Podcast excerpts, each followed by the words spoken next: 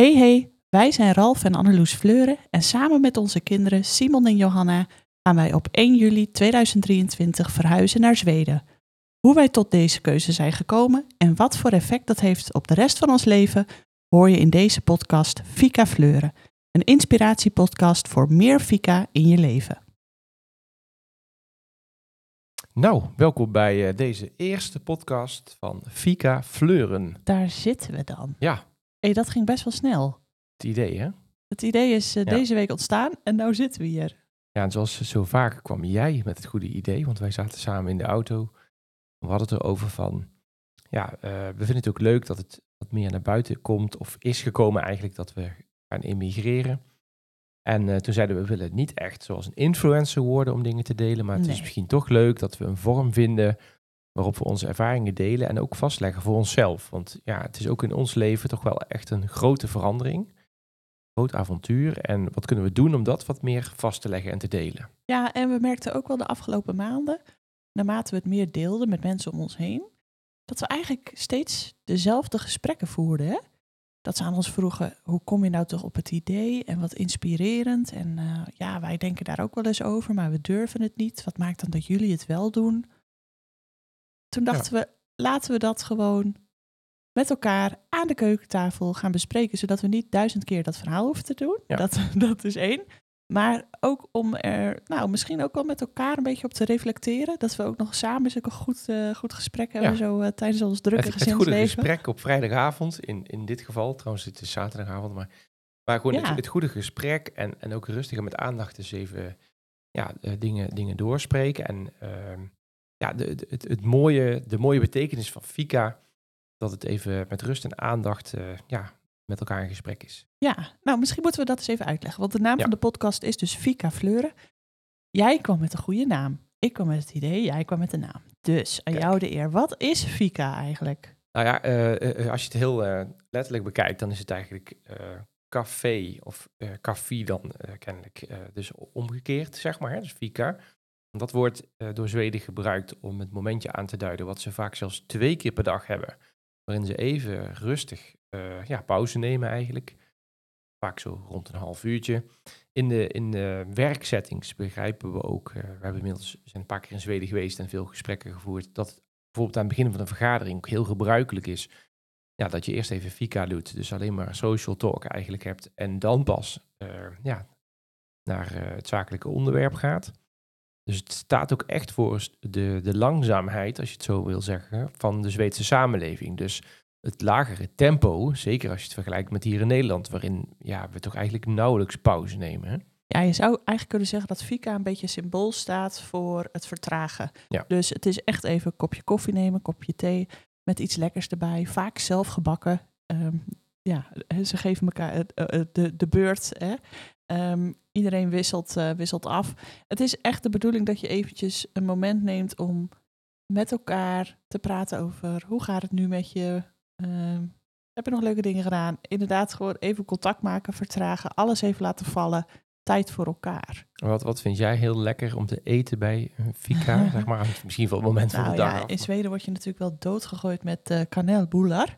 De kaneelbroodjes. Ja. die zijn wel erg lekker hoor. Ja, maar ik moet eerlijk zeggen, na zes weken vakantie kwamen ze ook een beetje mijn neus uit. Ja. Maar goed, er zijn zoveel ontzettende lekkere dingen te eten bij de Fika. Dat is echt, eh, daar moeten wij, dat moeten wij nog echt leren hoor, schat. Dat we dat zelf gaan bakken. Dat wordt Nou nou ja, wat. ik hou heel erg van koken en ook wel een beetje van bakken. Dus Ja. dat wil ik wel eh, gaan doen. Maar nu hebben wij bij de Fika eh, op deze avond hebben we een kopje thee en een blokje, nou ja, paar blokjes chocola. Dus dat is ook heel Ja. lekker. Maar goed, het idee is dus ook dat wij gewoon tijdens ons Fika-momentje aan Ja. de keukentafel, straks onze Zweedse keukentafel, lekker met elkaar in gesprek Ja. gaan over alles wat ons bezighoudt rondom het emigratieproces. Maar ook waarom maken we de keuzes die we maken? Waar lopen we tegenaan? Welke onzekerheden ervaren we? Welke geluksmomentjes? Ehm, nou, daar nemen we je allemaal in mee. En dat duurt dus ongeveer een Fika-momentje. Nou, mooi. Nou ja, en ehm, we zitten nu zo'n drie weken voordat we echt gaan emigreren. Ja. Ehm, we gaan dus op zeg maar 1 juli 2023, eh, ja, gaan we echt weg uit Helmond. Ehm, Ja, we hebben ons huis echt verkocht. Hè? Ja. Dus het is echt definitief. Veel mensen vragen dat. Heb je je huis Ja. nog te huur? Nee, we hebben het huis echt verkocht. Precies, ga je permanent hè, naar Ja. Zweden of ja, of ga je voor altijd? Ja, dat is wel een we gaan in principe voor onbepaalde Ja. tijd. Nou ja, en eh, het is wel, leuk om eh, bij het begin te beginnen en nog te vertellen van hoe kwamen wij nou tot deze keuze. Sommige van die stapjes, ja, die ook vaak pas achteraf, hè, dat je denkt van, oh ja, Ja. zo ging dat. Maar Anne, dus als jij nou terugdenkt eh, en je vertelt iemand, ja, waar is het allemaal begonnen? En stel dat je echt genoeg tijd hebt om het uit te leggen, waar begin je dan? Nou, weet je, wij hadden natuurlijk samen al altijd wel een ambitie om ooit eens in het buitenland eh, te wonen. Al voordat de kinderen er waren. Ehm, jij hebt eh buitenlandervaringen vanuit je studie, ik ook. Ehm, dus we hebben beide al wel eens, al eens ervaren hoe het is om in het buitenland te wonen Ja. en, en, en te studeren. Ja, ik was in Frankrijk hè, met, met afstuderen en jij hebt gestudeerd in Zuid-Afrika. Ja, dus ehm, nou, dat, dat avontuur, dat heb, daar hadden we al eens aan geproefd. En dat wilden we eigenlijk nog wel eens een keer. Maar door allerlei omstandigheden kwam dat er eigenlijk nooit van. En in 2022, toen zaten wij naast elkaar op de bank naar het, naar het programma Floortje naar het einde van de wereld te kijken. Ja, ja. En er was toen een gezin in dat programma, in die aflevering. Dat leefde op een eiland in de Azoren. En ja, na die aflevering keken wij elkaar aan. Ik Ja. weet dat nog heel goed. En toen dachten we allebei, oh, oh. er is nu een eh, vlammetje in ons eh, aangewakkerd. Wat we niet meer echt konden negeren. En het ging eigenlijk over wat er werd gezegd in die, Ja. in die aflevering. En hoe dat gezin daar, daar leefde. En wat ik me daar nog van kan herinneren is dat zij eigenlijk door de keuzes die ze maakte en door steeds vragen te stellen over ehm, hoe willen wij ons leven leven, hoe is het voor ons het fijnst, voor ons gezin en hoe willen wij daar invulling aan geven. Niet wat is het gewenste gedrag, maar hoe vinden wij het fijn. Ehm, en ook de manier waarop ze dus eh, daar uiting aan gaven, ook heel realistisch waren. Hè? Dus ook echt aangaven van ehm, ja, dit is niet het paradijs. Dat, eh, dat bestaat gewoon niet. Wij hebben hier ook onze struggles met ons gezin, met, met werk, met eh, nou, noem het allemaal maar. Ehm, maar het feit dat zij op een bepaalde manier hun leven konden inrichten, was heel erg inspirerend. Ja, en, en dat gevoel bleef zo hangen dat, dat het ook... Je voelde alsof er bij ons een zaadje geplant was op dat moment. Dus jij ging bijvoorbeeld ook googlen, van eh, kan je iets over die mensen vinden Ja. verder? Of kan je, ja, zijn daar nog vacatures? Of, nou ja, dat, dat leidde tot, tot niks en dat hoefde ook niet, want ja, ik denk niet dat wij per se naar dat eiland wilden. Nee, nee. Maar je, je merkte wel gewoon in de gesprekken in de weken daarna dat je, ja, eh, alsof ons hart een beetje open stond. Zo van, van ja, eh, laat maar komen. Of, of wat, wat gaaf. En, wat we dan ook wel vaak doen in de keuzes die, die, we, die we dan maken of plannen, is dat daar dan niet te hard achteraan gaan. Dus wel openstaan, maar niet eh, met een vast omlijnd beeld dat proberen te realiseren. Dus het zijn toch zo'n grote dingen dat, ja, dan, dan, dan moet ook een beetje op zijn plek vallen. Moet een beetje toevallig goed gaan of zo. Dus we hebben daar eigenlijk daarna niet echt meer iets mee gedaan. Hè? nee. Wel nog wel eens over gehad, maar ja. Ja, we hebben het er nog wel eens over gehad. Over wat is dat dan dat ons zo, eh, zo, zo interesseert. Ja, Ja. Dat is natuurlijk dat avontuur. eh, maar ook gewoon dat je je leven eens een keer vanuit een andere invalshoek, vanuit een andere plek op de wereld kunt, le- eh, kunt beleven. ja. En ook met kinderen. Hè? Dus dat, dat Ja. is ook, sinds we kinderen hebben, voel je best wel door die verantwoordelijkheid. Zo van, nou ja, we wonen in een fijne nieuwbouwwijk, school dichtbij, winkels dichtbij. Vriendjes wonen om de hoek. Zeg van, ja, dat is eigenlijk perfect. Maar ehm, ik denk dat, omdat zij dat avontuurlijke leven hadden, juist in de, in de omgeving van hun kinderen, of met hun kinderen. Toen dachten we van, hé, dat, dat, zo kan het dus ook, zeg maar. Ja, absoluut. En ook wel dat we er toch wel gauw achter kwamen dat we wel keihard aan het werk waren voor ons huis, voor de kinderopvang. Ehm, het was, ja, het is niet zaligmakend. Dus we, we voelden al het een en ander wringen. Dat het leven, hoe we het nu leven, dat we dat eigenlijk anders wilden. Maar ja, dat en, waar- waarom binnen- zouden wij dat ook niet kunnen dan? hè? Precies. Als je, als je, als, eh, wat, wat maakt, nou moet ik wel zeggen dat zij allebei, eh, volgens mij, eh, gedurende hun leven met een zeilboot, allebei de wereld over waren gegaan. ja zo. dat is Dus natuurlijk qua, ja, niet helemaal te vergelijken met, met totaal niet. Maar het ging eigenlijk gewoon om de mindset. Precies. En ehm, als je daar eenmaal een klein beetje naartoe bent gegaan in je eigen hoofd, dan kun je sommige dingen ook niet meer negeren. En Ja. Ehm, toen waren wij dus voornemens om ehm, in de zomer op vakantie te gaan. In de zomer van 2022 op vakantie te gaan naar Zweden. En we zouden twee of drie weken Ja. met de caravan die kant op gaan. Ja. En ehm, We waren naar Denemarken geweest het jaar daarvoor. ja, dat was hartstikke bevallen. leuk. Dacht smaakte erna, echt naar Een meer. stukje verder naar Scandinavië. Ja, en we hadden al heel vaak over Scandinavië heel veel gelezen. Dus dat, dat trok ons sowieso al heel erg. En oom en tante van mij wonen daar ook. En op een gegeven moment dacht ik, kijk, we zijn nou allebei zelfstandigen. Ehm, we hadden ook al het idee eens gehad om een half jaar eh, door Europa te Ja. reizen met de caravan. eh, Voor corona eigenlijk. Hè? ja, van corona. maart Ja. tot, eh, tot augustus 2019. En toen kwam corona, dus dan moesten we dat plan afzeggen. Ehm, maar ja, we waren dus allebei zelfstandigen. En ik dacht, waarom gaan we niet gewoon zes weken op zomervakantie? En dan gaan we ondertussen wat werken. Iedereen is daar nu aan gewend, hè? ook Ja. eh, dankzij corona. Kinderen hoeven niet naar de opvang. Kinderen hoeven niet naar de opvang. En dan gaan we gewoon op die manier proberen een heel klein beetje zo te leven zoals Ja. die mensen op dat eiland. Nou ja, toen jij, toen jij het zei tegen mij, hè, van ja, waarom gaan we niet zes, zes weken, was mijn eerste reactie heel eerlijk van, ja, ik moet toch werken of hè, ik moet nog dingen voor het najaar voorbereiden of misschien heb ik nog dit of dat of mis ik wel een opdracht. Dus toch wel een beetje vast in een soort eh, vast werksysteem, werksysteem van, ja, misschien ook wel een verantwoordelijkheidsgevoel. En, en ik moet zeggen, de oplossing die Anne ook had van, nou ja, dan werk je toch af en toe vanuit de caravan. Ja, die, die maakte het voor mij eh, prima mogelijk. Ik dacht, ja, dan doe ik dat wel. Ja. Dus dan kan het eigenlijk gewoon. Dus ook, ook zo van, nou ja, praktische bezwaren, kennelijk eh, kan je die altijd wel oplossen als je ook een beetje flexibel denkt, zeg maar. Ja, en om daar te komen is het natuurlijk, dat is natuurlijk best wel lastig. Want je bent gewoon gewend aan een bepaald leven. Ja. Je bent ook nou ja, misschien ook je eigen patroon of je overtuigingen. Dus het vraagt wel van jezelf om, daar, om dat te onderzoeken.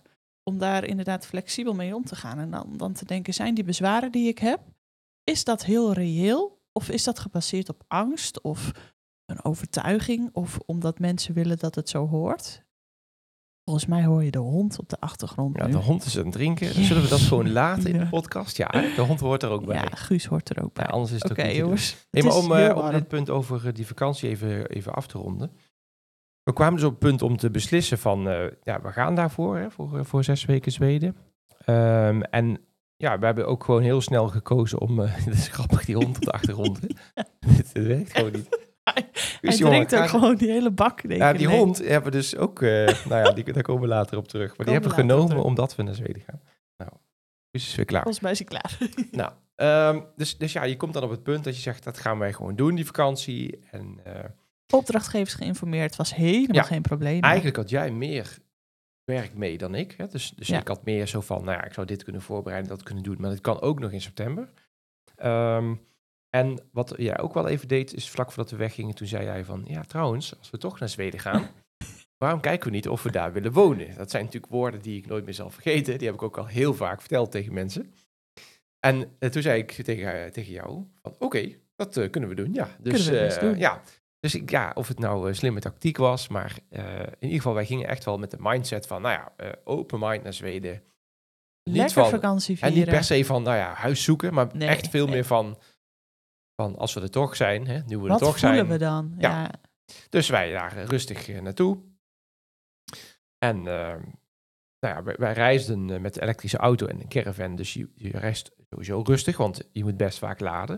Dat was ook een heel leuk experiment trouwens. Dat vond ik ook gewoon heel leuk om mee te maken. Zo van, En een circus act op de campings.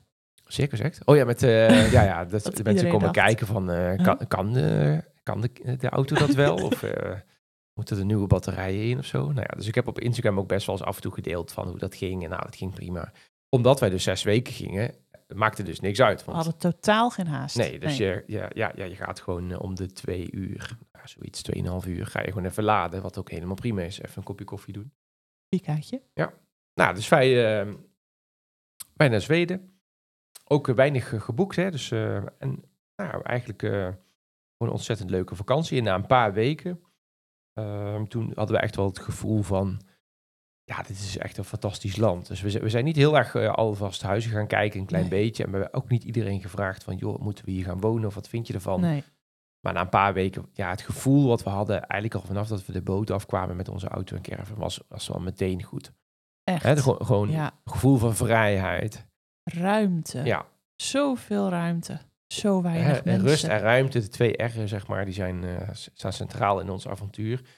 Maar ik zeg ook altijd, als ik met de caravan eh, rijd, en ik rijd in Nederland of in Duitsland, ja, ik ben altijd de langzaamste. Hè? Dus, dus Ja. ik heb altijd iemand achter me op een normale weg, zeg maar. Ik heb altijd iemand die zit te duwen, of die, eh, ja, ik rij gewoon, nou ja, wat je mag rijden, 90 of zo, 85. Maar in Zweden had je dus gewoon nooit iemand achter me. Nooit. Die zat te duwen. Hè? Dus nooit iemand die zoiets had van, nou, schiet eens een beetje op of ga eens aan de kant. Dus ik merkte gewoon, ook toen we daar reden, dus vanaf, vanaf de boot was het volgens mij, nou, we zijn natuurlijk zes weken onderweg geweest, maar zeg maar naar de eerste camping ook een uurtje of zo, of twee uur. Ja, er kwam meteen een soort rust over mij, die, ja, die zo'n contrast was met bijvoorbeeld ook het Duitsland, Ja. waar, waar we de dag ervoor dus waren, waar het gewoon zo druk was. Het, was, het is gewoon heel apart dat je eigenlijk meteen een soort van laagje omlaag gaat in een bepaalde ruststand. Dat doet die omgeving met je, dat doen de mensen met je, dat doet ja, het feit dat er dus ook weinig mensen zijn, doet dat met je. Het was heel apart om dat Ja. meteen al te ervaren. Kijk, en je kan natuurlijk ook zeggen van, ja, logisch, want jullie hadden vakantie. Hè, dan ben je ook niet zo gestrest en dan hoef Ja. je niet op tijd op je werk te zijn of dan heb je Ja. geen, geen haast. Daar zit ook wel wat in. Maar eh, je, je merkt gewoon dat in die hele omgeving was voor mij gewoon stressvrij. Absoluut. Dus, dus dat zit hem in hele kleine dingen. Als eh, stel ehm, met jonge kinderen reist, ja, in één keer moet iemand plassen. Net zindelijk of aan het oefenen. Of, eh, ja, eh, op dat moment, het is zo makkelijk om daar te stoppen en een plek te vinden. En heel vaak had je ook gewoon super toffe picknickplekjes waar je ook gewoon een openbaar schoon gratis toilet hebt.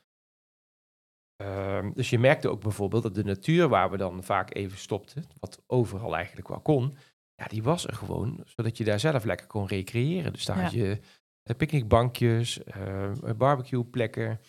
En dan was het ook gewoon nooit echt druk, zeg maar. Dus niet dat je daar moet dringen of, of ve- veel uitlaatgassen, maar gewoon lekker veel natuur en, en ja, rust. Ja, en ehm, ik vertelde net al eventjes dat ik dus een oom en tante in Zweden heb wonen. Die zijn, ik het goed heb onthouden, 14 jaar geleden Ja. die kant op gegaan. Ook met kleine kinderen. Die waren iets ouder dan onze kinderen nu zijn. En ja, die hebben we natuurlijk opgezocht. Het was hartstikke leuk.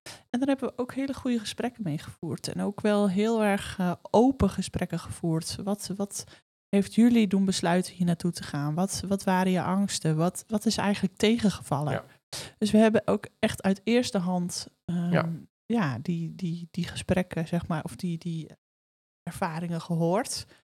Wat we ook mee hebben genomen tijdens de rest van onze reis. En ja, eigenlijk eh, gedurende die weken voelden we al wel, oké, dit komt wel een beetje in de buurt van dat gevoel wat we hadden tijdens die aflevering van Floortje naar het einde van de wereld. Het gaat ons er namelijk niet om dat je naar het einde van de wereld gaat. Nee. Het gaat er ons erom dat je een plek kunt creëren die dat gevoel, zeg maar, eh, kan opwekken van vrijheid, van je eigen keuzes kunnen maken, hoe je je leven wilt inrichten, Ehm, rust en ruimte, ook voor onze kinderen. Nou, eh, gedurende die zes weken in Zweden kwamen we er wel achter dat dat heel veel boxjes aanvinkte. Hè? Ja, eigenlijk, eigenlijk gewoon bijna alles Bijna wat alles. we belangrijk vinden. En Ja. inderdaad ook, ook dat dicht heel veel natuur. En hè, in Zweden, Zweden heb je natuurlijk het allemansrecht. Hè, alle, allemansretten heet het volgens mij. Dat betekent eigenlijk dat je in principe overal mag kamperen. één nacht, 24 uur.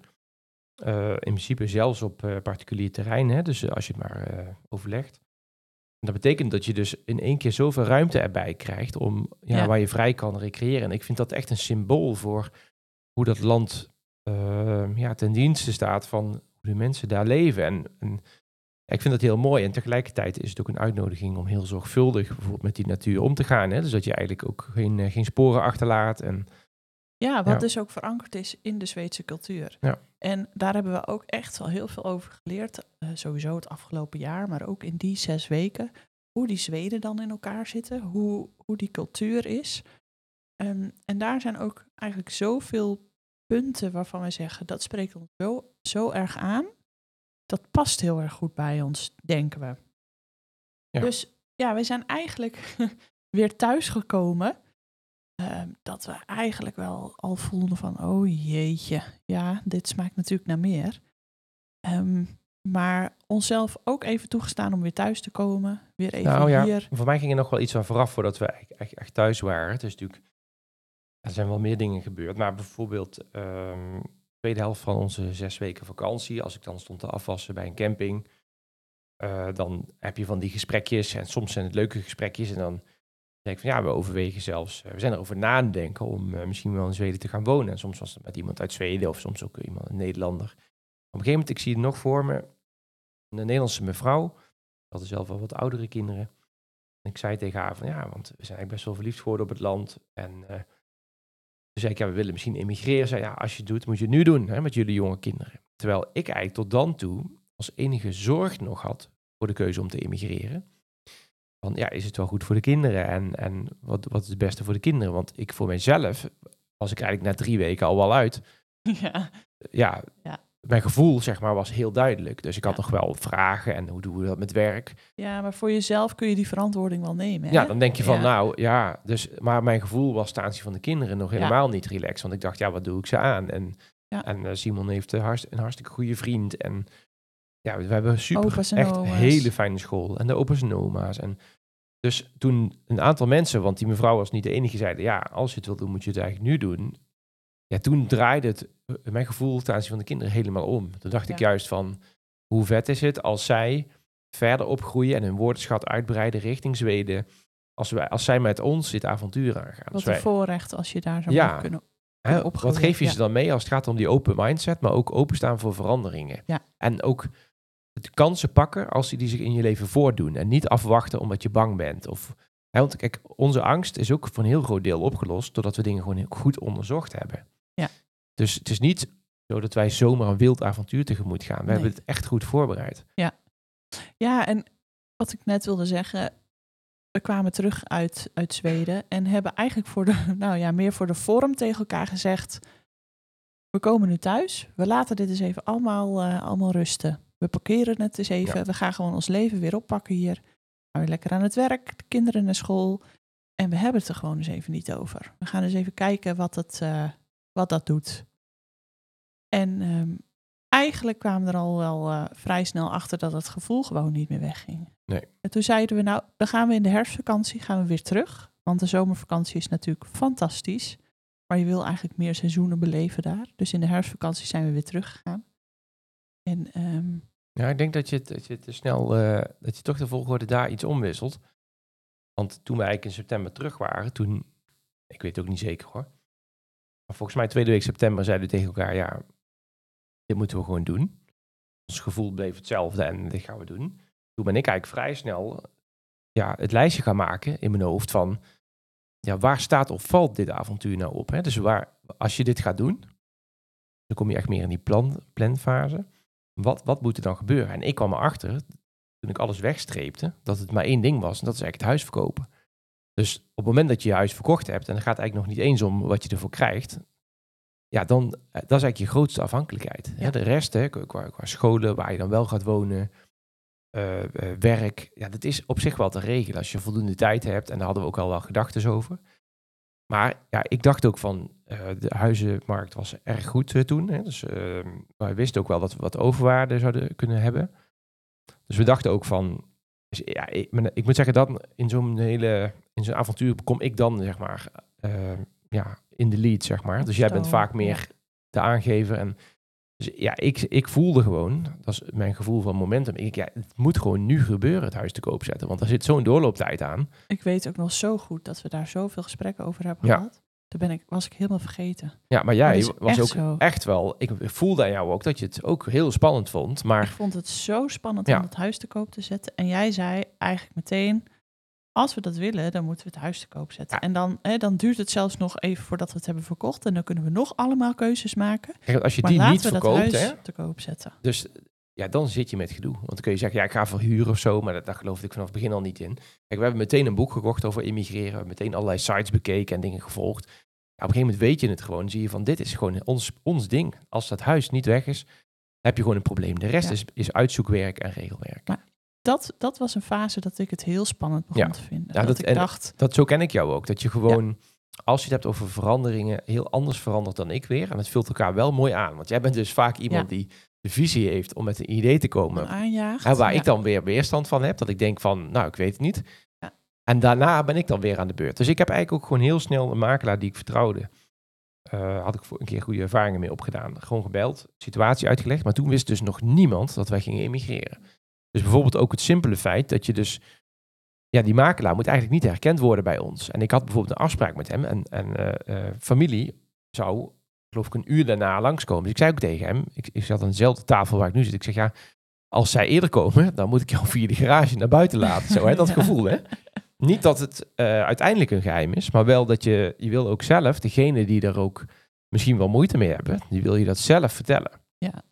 Dus dat, ik ben toen echt in de regelstand gegaan om eh, ja, dingen met de makelaar te regelen. Eh, ja, dat is eigenlijk volgens mij het enige wat ik ja, gedaan heb. ik ging een beetje in de ignorance eh, Ja, stand. Dus ik ben gewoon gas gaan geven. En, en eh, dat is ook wel als je elkaar al een tijdje kent. We zijn al dikke tien jaar samen. Dat je ook wel weet van oké, ik wil niet het, het wil het niet zonder haar doen. Dus het moet samen. Maar als je merkt dat de ander toch even tijd en moeite nodig heeft, maar dat ons de droom in gevaar brengt, ja, dan moet je wel doorpakken. Ja. En dat heb ik ook al wel eens ervaren, dat ik dan toch wachtte en dan, terwijl mijn gevoel zo duidelijk was. Hè? Ja. Dus ik heb dat gedaan. Ik heb haar natuurlijk de hele tijd op de hoogte gehouden. En ja, je moet het ook samen doen, want je moet het huis opruimen, je moet foto's laten maken. Je moet eh, van alles besluiten. Dus, en dan moet ik zeggen, de makelaar was ook heel begripvol. Maar uiteindelijk hebben we het echt wel toch best wel rap te koop gezet. Ik zeg even uit mijn hoofd, begin oktober of zo. Ja. En toen zijn we dus eigenlijk, als je het over volgorde hebt, Klopt. zijn we toen dus naar eh, een herfstvakantie naar Zweden gegaan. Ja. Maar ja, toen, toen is het eigenlijk eh, begonnen. Dat was ook een hele bijzondere vakantie. Dat was echt heel bijzonder. Het huis stond dus al, eh, ja, dat stond nog niet te koop, maar dat zou de week nadat we terug eh, Ja, zo was het, ja. waren, zou dat te koop Ja. komen. De makelaar die had wel al de website van het huis gemaakt en de foto's waren klaar. Dus Ja. in die week zagen we eigenlijk ook, nou goed, dat huis dat gaat, gaat te koop. Ja, en volgens mij hebben we toen voor die herfstvakantie ook gewoon alle familie geïnformeerd. Kan eigenlijk niet anders. Ik dacht het eigenlijk wel. Ik weet het niet zeker meer, maakt ook niet uit. Maakt niet uit. Nee. Ja. Oké. Ehm, ik zit even te twijfelen of we misschien die bijzondere herfstvakantie, wat daar allemaal gebeurde, of we dat voor de volgende aflevering. Ja, want eh, we hebben sindsdien een aantal reizen naar Zweden gemaakt. We zijn er in de herfstvakantie geweest. We zijn er in de carnavalsvakantie geweest, hè, zeg maar de voorjaarsvakantie. En in de meivakantie. En daar zijn, worden, zijn zo gave dingen gebeurd, die willen we ook eh, graag delen. Maar ik denk inderdaad dat we voor deze podcast tot een kleine afronding eh, moeten komen. Ehm, het is wel nog goed, misschien dat we een paar kleine vragen nog kunnen beantwoorden. En een, een doorkijkje naar de volgende podcast. Ja, want we hebben op Instagram ehm, eh, gevraagd of jullie nog vragen hebben. En er zijn best wel wat leuke vragen uitgekomen. Dus misschien kunnen we één of twee vragen eventjes doen. Ja, ik kijk even op mijn lijstje. Ehm, ehm, ja, dit is wel een hele bijzondere van, eh van Massoud. Die schreef, eh, ja, wat was nou het moment voor jullie van, ik vind hier mijn geluk niet in, eh, ja, waar, je nu, waar je nu woont. Wat is het grote moment van, daar gaan we heen? Ja. En dat is natuurlijk wel een interessante, want Ja. ehm, gaan wij nou emigreren omdat we in Helmond niet blij zijn? En dat is een, best wel een Hmm. moeilijk punt, want ik denk, ehm, we hebben echt ehm, door een aantal verhuisstappen, eh, ja, wonen we nu in een ontzettend fijn huis, wat we ook nog hebben kunnen verbouwen. Dus we hebben alles naar onze smaak kunnen maken. Maar het is toch niet wat we willen, als ik voor mezelf spreek. Dus je mist gewoon een stuk ruimte om je heen. Nou ja, ik denk dat dat alles heeft te maken met wat je dus ook al een keer hebt ervaren. Hè? Ik in Zuid-Afrika, jij in Frankrijk. Dat je ook ziet of al, al hebt kunnen proeven aan het kan ook anders. Maar het, hè, toen we in Zweden waren, toen we op vakantie waren en toen zagen, oh, het kan ook zo. Zo leven, zoveel ruimte. Eh, Een maatschappij die veel trager gaat, want dat weten heel veel mensen niet. De Zweden zijn eigenlijk eh, nou ja, de, de Zuid-Europeanen van het noorden. Ja. Waarbij het ook manjana manjana is. Het leven gaat daar gewoon zoveel trager. Dus als je eenmaal ziet hoe het ook kan, dan kun je eigenlijk niet meer goed eh, zien waar je in zit. Zeg maar. Nou, ik zeg heel eerlijk, ik, ik heb altijd geloofd dat, dat ook de wijk waar we wonen bijvoorbeeld, dat het niet beter kon. Ik heb Ja. altijd echt geloofd hè, van, als je kijkt naar, wij, als kinderen zitten echt op een fantastische school, hè, een hele innovatieve school in, eh, in Nederland, eh, waar ik echt gewoon 300% achter sta. Dat, dat wil je je kinderen graag meegeven. We wonen overal dichtbij, we wonen in een mooie wijk, we wonen in een regio waar het economisch goed gaat. Ik heb echt altijd gedacht, we Leuk werk hebben we. hebben leuk werk, Ja. ik heb altijd echt gedacht, het kan niet beter. En, en sinds we met Zweden bezig zijn, merk ik dat ik het anders ga zien. Of dat ik ook andere dingen ga zien. En dat ik denk, van er is zoveel meer. En dat is niet zo zwart-wit als beter, slechter. Maar het is, er is nog zoveel meer op de wereld. Ja, en het, het is dus ook niet het nastreven van beter of meer. Het is juist, denk ik, andersom. Het is iets nastreven. Het is nastreven. ehm, het is een leven nastreven die simpeler is, eenvoudiger is, meer in verbinding met elkaar, met onze kinderen, met de natuur. En daarvan zeggen wij dat wij dat niet hier in Nederland kunnen vinden. Niet in deze wijk. Misschien ook niet in deze maatschappij. Ja, en ik denk dat, dat die, eh, die mindset, die uitzicht bijvoorbeeld ook in, in de huizenprijzen, is een heel praktisch punt. Ehm, ja, we hopen eigenlijk, want heel veel dingen weten we natuurlijk ook niet zeker, maar dat het ons lukt om eh, relatief lage maandlasten aan te houden daar. Niet super laag, maar gewoon, dat weten wij nog niet precies, zo moet ik eigenlijk zeggen. Waardoor je dus niet kijkt van, oké, hoe hard kunnen we werken en wat voor groot huis kunnen we kopen of wat voor duur huis. Dat we eerder kijken van, oké, met wat voor huis kunnen we gewoon heel blij en tevreden zijn. En het hoeft echt geen heel klein hutje zonder stromend water en zonder elektriciteit eh, helemaal ergens in Noord-Noord-Zweden. Dat hoeft echt niet. Voor mij niet op dit moment. Nee. Maar wat, wat, wel, wat je wel gewoon ziet is dat, dat er zo'n bizarre hoeveelheid huizen in Zweden is die gewoon heeft, vooral qua buitenruimte bijvoorbeeld, wat wij fantastisch vinden. En als je dan die prijzen kijkt, dat is echt, ja, het verschil is zo extreem. Dat, dat, zoiets zouden we hier nooit kunnen kopen. Nee, en dat maakt dan dus ook dat je andere keuzes kunt maken op andere vlakken. En dat is wel wat we uiteindelijk willen. Wat ook, wat ook inzichten zijn. Hè?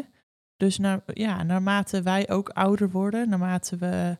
Ik denk dat, dat het feit dat we vader en moeder zijn geworden daar ook mee eh, in meespeelt. Dat je bepaalde waarden ontwikkelt die gewoon ehm, ja, ertoe bijdragen dat je, een, dat je anders in het leven staat. Maar je, je kan dus ook zeggen hè, over deze levensfase. Hè, ik ben 41, jij bent eh, oei, oei, Oh, 34. ja. En eh, je kan over deze levensfase zeggen, hè, we zijn, hebben een jong gezin, Simon is eh, zes, bijna zeven en Johanna is vier. Je kan zeggen, nee, hier in Nederland, hè, met de- deze fantastische school, deze voorzieningen, gaat je economisch goed. Dat is de beste plek voor ze om op te groeien. Hier is het safe, weet je wel? Ja. Dat kan je zeggen. Dus dan kan je zeggen, nou, dan blijven we hier eh, in ieder geval 20 jaar, 25 jaar. Als we dan graag nog een buitenlandavontuur willen, dan doen we dat. Dan zijn de kinderen goed terechtgekomen, dan Het gaan is we. een soort schijnveiligheid. Dat zou kunnen, hè? Dat, dat is, Ja. ik denk dat dat wel ons plan was. Niet per se dat buitenlandstuk, maar wel dat als je nog spannende dingen wilt, dan wacht je mee. Maar wat nou als ik helemaal, want dan heb je het over, ben ik 61. Wat nou als ik helemaal geen 61 word? Of als ik helemaal niet gezond 61 word? Of wat als...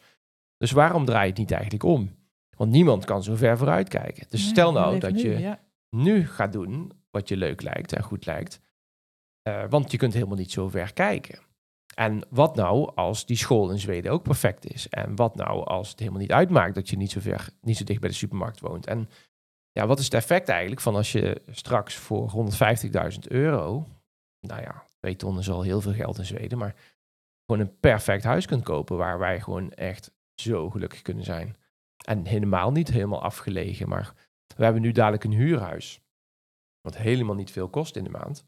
Echt minder dan de helft van wat, waar we nu wonen. Ja.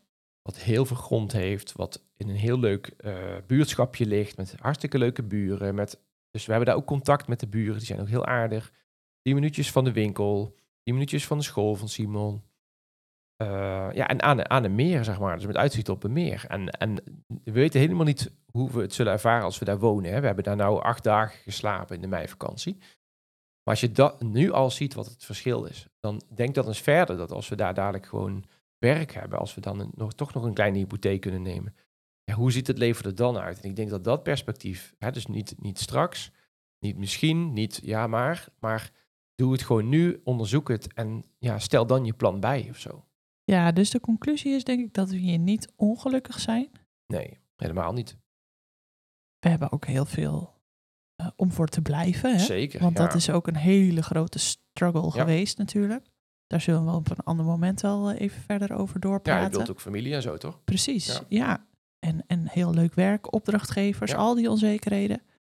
Maar het perspectief wat wij nu hebben, naar aanleiding van onze reis daar en hoe wij ons leven willen invullen, maakt dat we denken dat, we, dat wij daar fijner kunnen leven.